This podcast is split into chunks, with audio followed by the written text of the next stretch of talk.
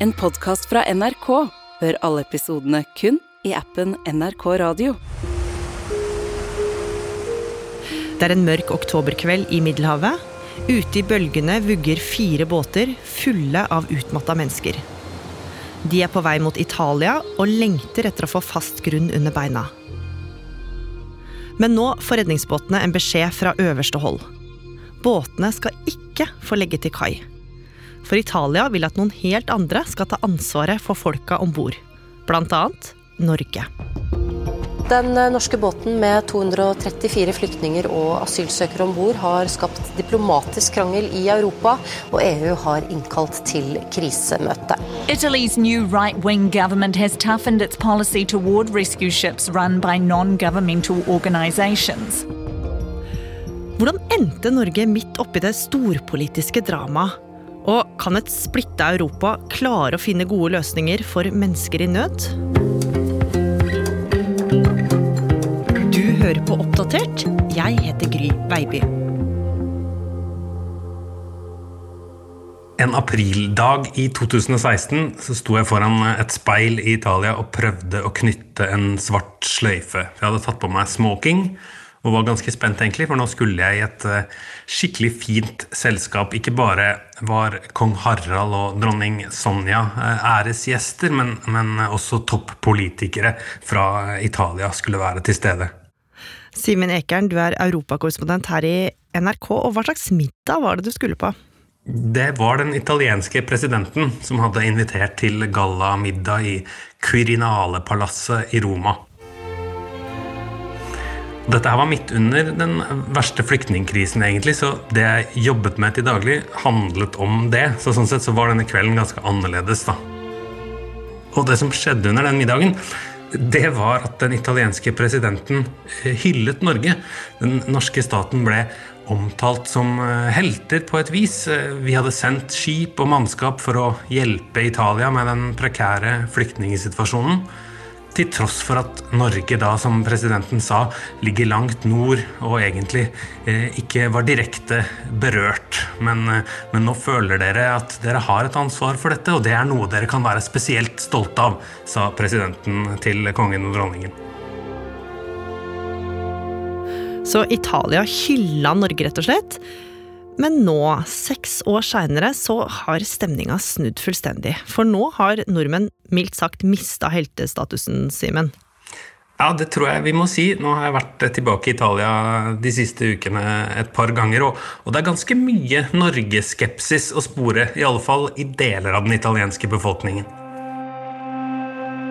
Og grunnen til det er det som skjedde nå i oktober. Ute i bølgene langt ute på havet mellom Libya og Italia var fire store skip som ble drevet av hjelpeorganisasjoner ute på oppdrag. De hadde plukka opp en rekke nødsignaler, og de visste at det hasta. For de var vant til å finne overfylte båter som var nær ved å synke langt til sjøs. Og ofte gikk det ikke bra. Ifølge FN hadde nemlig minst 25 000 mennesker mista livet i forsøket på å krysse Middelhavet de siste åtte åra. Og disse folka som redningsbåtene nå leita etter, hvem var de, Simen? Det var folk fra mange forskjellige land, både barn og voksne. og Det de hadde til felles, var at de var overbevist om at det var bedre å gå om bord i disse synkeferdige båtene enn å bli der de var. Mange av dem hadde vært på reise i mange måneder før de endte opp i Libya, hvor flere av disse båtene dro ut fra. Og Libya det er jo et land hvor forholdene for migranter er temmelig kritikkverdige. Gang på gang hadde det kommet avsløringer om at de som reiste gjennom Libya på vei mot Europa, de var blitt fengslet, misbrukt, torturert og det som verre er. Så da folka på redningsbåtene endelig fikk øye på de skrøpelige båtene ute i bølgene, så var de nok letta. Men de visste at de hadde en annen, vel så viktig oppgave foran seg. De måtte sørge for at situasjonen var rolig mens de hjalp menneskene om bord. For om båtene tippa, så kunne det gå skikkelig gærent. De yngste passasjerene var bare babyer, og om det oppsto panikk, så kunne mange falle i vannet. Så etter en nervepirrende redningsaksjon klarte de å evakuere den ene båten etter den andre. Over 1000 mennesker ble redda fra en mulig drukningsdød disse dagene i oktober. Men da de trodde at de endelig kunne puste letta ut, så viste det seg at det bare var starten på enda et helvete. Hjelpeorganisasjonene de satte jo kursen mot Italia, som så mange ganger før. For dette er den vanlige ruta. Den internasjonale havretten sier at alle har rett til å bli satt i land i nærmeste trygge havn. Og siden Libya ikke blir regnet som trygt, og Malta ikke pleier å ta telefonen når båtene ringer og ber om hjelp, så har Italia ofte blitt landet disse menneskene blir eh, frakta til. Men da de sendte den vanlige søknaden nå om å få legge til havn og la menneskene gå eh, trygt eh, i land, så fikk de ikke svaret de pleide å få. Several rescue ships with hundreds of migrants on board are stuck in the Mediterranean waiting for permission to dock. Many on board have been refused permission to come on land. De ble reddet opp på et trygt skip, men får ikke komme til havn. Italias nye ytre høyre-regjering har stengt alle havner for redningsbåter med migranter i Middelhavet. Én ting hadde nemlig forandra seg siden sist, og det var at Italia hadde fått ny statsminister. L'Europa non dovrebbe dare una mano all'Italia a difendere quel pezzo di confini esterni dell'Unione Europea che guardano al Mediterraneo. Giorgia Meloni hun hadde gått til valg på å stramme inn flyktningpolitikken. Nå vil hun vise at valgløftene ikke var tomme ord. Hun hadde sendt ut ordre til alle Italias havner om at de skulle nekte redningsbåtene å komme til land. Så nå satt altså 1000 mennesker fordelt på fire båter og kunne se land, men fikk ikke legge til. Hva gjorde de nå, Simen?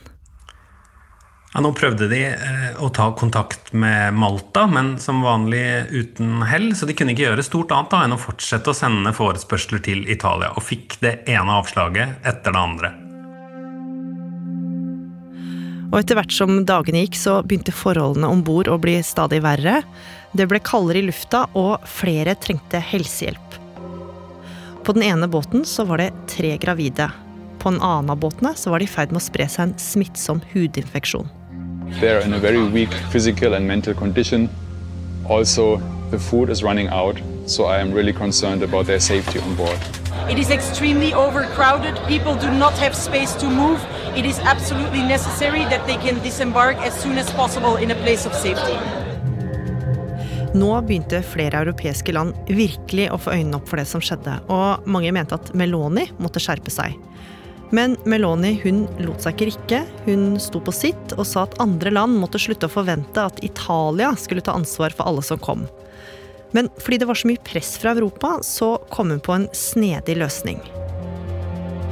Italia gikk offisielt ut og sa at båtene som hadde tatt opp migrantene, måtte ta ansvaret for menneskene.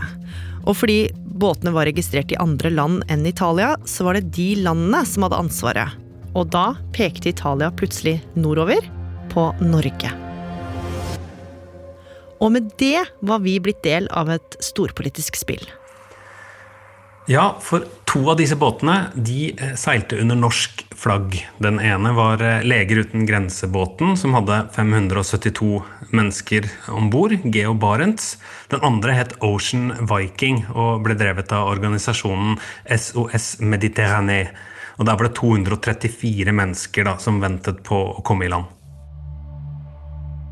Og i begynnelsen av november så ble det tydelig at Meloni mente alvor, for da fikk det norske utenriksdepartementet et offisielt brev fra Italia. Med formelle formuleringer skrev de at disse båtene som lå der ute i havet, de tilhørte Norge. Og derfor lurte de på hvilken plan Norge nå hadde for å ordne opp i dette. Og i norsk eh, UD eh, så ble man litt eh, i stuss. Hvordan skulle man forholde seg til dette? De eh, satte sine beste folk på saken, får vi tro. Og mens de forsøkte å finne ut av det, så gikk italienske politikere ut offentlig også og sa at dette var Norges eh, ansvar. Eh, en minister i regjeringen, Matteo Salvini, han tvitret Hvor skal et norsk skip dra? Svaret er enkelt til Norge. Men eh, Norge reagerte ikke helt som Italia hadde håpa. For den 3. november sendte den norske ambassaden i Roma et kort brev med svar hvor det sto at det ikke var noe som tilsa at Norge hadde ansvar for disse menneskene. Og det svaret det skulle virkelig ta av i mediene i Italia, Simen. Ja, det gjorde det absolutt.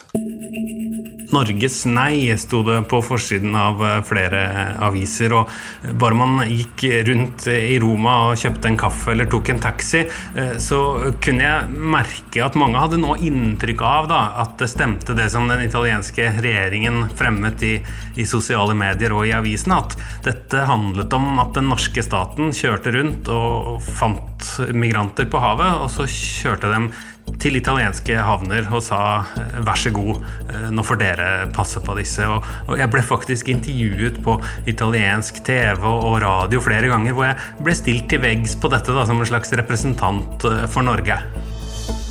Simen Ekern che saluto, buongiorno Ekern e benvenuto. Buongiorno, buongiorno. Ma intanto in Norvegia che pensano di questa vicenda? Beh, il governo norvegese, come, come sapete, non, non, ha detto moltissimo. Og mens alt det her skjedde, så var det fortsatt ingen løsning i sikte for de over 1000 migrantene som nå hadde seilt rundt på Middelhavet i snart to uker. Og nå begynte de å bli skikkelig fortvila. Så skulle det skje noe som mange hadde frykta. Værmeldinga viste at det skulle blåse opp til storm.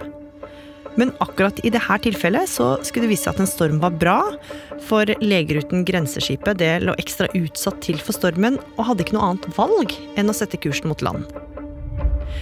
Og endelig, etter over 80 forespørsler, svarte Italia ja.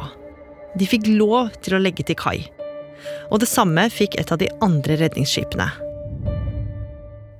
Men marerittet, det var ikke over. For Meloni hun hadde ikke tenkt å gi seg, Simen. Hun hadde lagt en plan for hvordan Italia skulle håndtere dem om bord. Ja, den planen den var at Italia selv skulle velge hvem som skulle få komme i land. Og det var kun kvinner, barn og syke. Over 500 mennesker fikk eh, komme i land på Sicilia den 6. november. Alhamdulillah, alhamdulillah, alhamdulillah. Thank you, Joe Barron. Thank you. Thank you. Barn og syke fikk komme til eh, havn på Sicilia i dag, etter over en uke til sjøs. Alle friske menn måtte bli igjen på båtene. Men tilbake på båtene så satt jo nesten 250 menn da, uten noen løsning i sikte. Og det, det reagerte en del folk på. Flere samlet seg på kaia for å demonstrere mot myndighetene. Tutte libere, tutti og om bord i båtene eh, var det temmelig håpløst nå. Tre menn hoppet til slutt over bord fra Leger uten grenser-båten og svømte til kai. De orket ikke å være på båten lenger, og resten hang utover ripa med bannere hvor de hadde skrevet 'Hjelp oss'.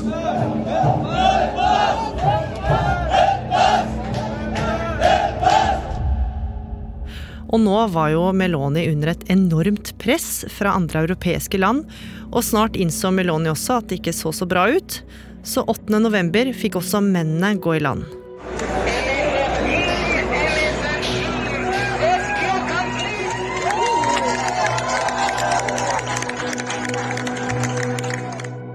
Og man skulle kanskje tro at den andre norske båten, Ocean Viking, også skulle få legge til kai.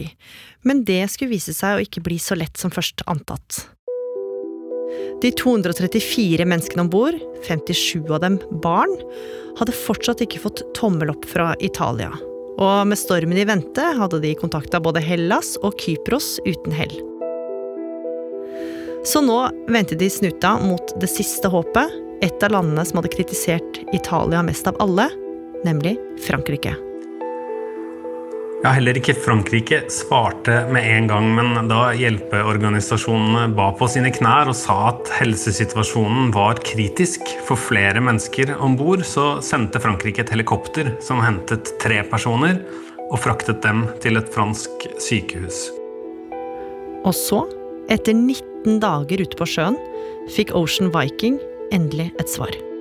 Det norskregistrerte redningsskipet Ocean Viking har lagt til kai i eh, Toulon i Frankrike. Der får de rundt 230 migrantene og flyktningene om bord gå i land. Skipet har vært strandet i Middelhavet i over to uker etter at Italia nektet skipet å legge til kai der. Franske myndigheter har kommet med hard kritikk av den nye italienske regjeringen. Med det var alle de tusen passasjerene omsider på land. Menneskene om bord var nok veldig letta, men det var en annen feiring som skulle få mer oppmerksomhet. For det at Frankrike hadde tatt imot båten, det tok Meloni som en stor seier. Italias nye statsminister gikk ut i sosiale medier og sa at hun hadde vunnet, og at det lønte seg å være streng og holde ut. Nå håpa hun nok at flere av disse båtene skulle starte å dra rett til Frankrike, og lette noe av trykket på Italia. Men alt det her skulle jo slå tilbake på henne selv, Simen. Ja, Meloni har jo ikke vært like lenge i det politisk-diplomatiske spillet som de andre statslederne, og hun undervurderte kanskje konsekvensen av å trosse de store, sterke naboene sine, og iallfall konsekvensen av å feire sånn som hun gjorde. Frankrike eh, ble ordentlig sinte, både over hva Italia hadde presset dem til å gjøre, og hvordan Meloni hadde feiret det. Og det sinnet, det aktet Frankrike å vise. Så det som skjedde nå, var at de trakk seg fra en avtale de hadde undertegnet i juni, der de hadde lovet å hjelpe Italia og skulle huse 3000 flyktninger som eh, ankom den italienske kysten. I tillegg så stengte de grensen for migranter som kom landveien, ved å sette inn 400 ekstra vakter på grensen mot Italia. Og ikke bare det, de fikk også flere europeiske land med seg på laget sitt, tilsynelatende. For flere av dem som ikke hadde hjulpet Italia, de skulle nå stille opp for Frankrike. Etter en lynrask saksbehandling ble det bestemt at 44 av de 234 menneskene fra båten Frankrike hadde tatt imot, skulle bli sendt tilbake til hjemlandet sitt. Resten skulle omfordeles i Europa, og to av landene som har sagt ja til å hjelpe Frankrike med dette, det er Tyskland og Norge. Og nå har Norge altså sagt ja til å ta imot 20 personer, og begrunner det med at det er en ekstraordinær humanitær situasjon. Norske UD står fortsatt ved sitt, og sier at vi ikke har ansvar for folk som tas opp av norskflagga skip.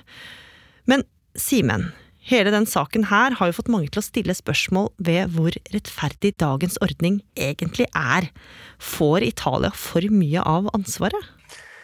Ja, Nå går det an å diskutere hvor stor del av denne byrden Italia egentlig bærer. Da. For veldig mange av de menneskene som kommer, de blir jo ikke i Italia, de drar eh, lenger nord i Europa. Men dette er en stor og betent politisk debatt. og, og det er noe de europeiske landene diskuterer nå, for EU har kalt inn til krisemøte. Det haster å finne en eller annen form for løsning. Ikke minst fordi det kommer flere mennesker nå enn noensinne siden den store flyktningkrisen i, 2016. Da. Og akkurat dette med hjelpeorganisasjonene er jo på et vis en dråpe i havet. De aller fleste som kommer sjøveien til Italia, blir plukket opp av den italienske kystvakten, ikke av disse utenlandske eh, organisasjonene. Men nå har det blitt en prinsippsak for Meloni. Og resultatet av krisemøtet kan bli nye regler for hjelpeorganisasjoner. Kanskje hvordan de skal organisere redningsarbeidet sitt, hvilke havner de skal reise til eventuelt.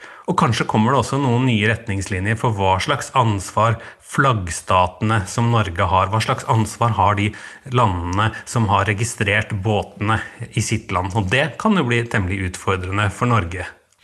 Simen, nå er det jo seks år siden du og kongen ble hylla på galla i Italia for Norges innsats for å redde folk på havet. Tror du det samme kan skje igjen i nærmeste framtid? Kanskje ikke. Jeg, har ikke for vane å bli invitert, altså. Det er jo bare den ene gangen da kongeparet var i byen. Men vi må jo håpe at den floka får en løsning. Det er snakk om liv og helse for tusenvis av mennesker eh, på flukt, dette her.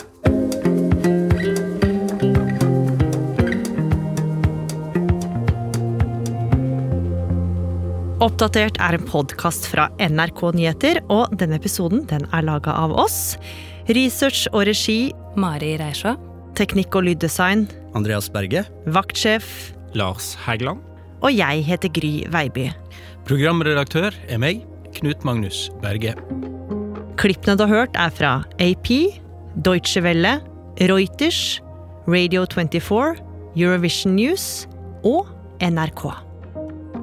Har du tips eller innspill, send oss en e-post, da. Adressen er oppdatert krøllalfa nrk.no. Og du, liker du det du hører, så må du gjerne tipse en venn om oss.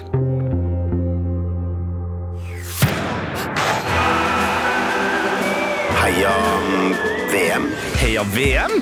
Heia VM. Tette Lidbom. Ja, det er jo et spørsmålstegn der, hører jeg, Sven. Svaret mitt er på en måte ja takk, begge deler. Ja, I Heia VM så skal vi heie på det vakre spillet på banen, iallfall. Ja, og vi skal kritisere og se på med lupe det skitne spillet som foregår på bakrommet. Yes, Det blir det beste fra tidenes minst elskede VM. Yes. Nydelig! Hør Heia VM i appen NRK Radio.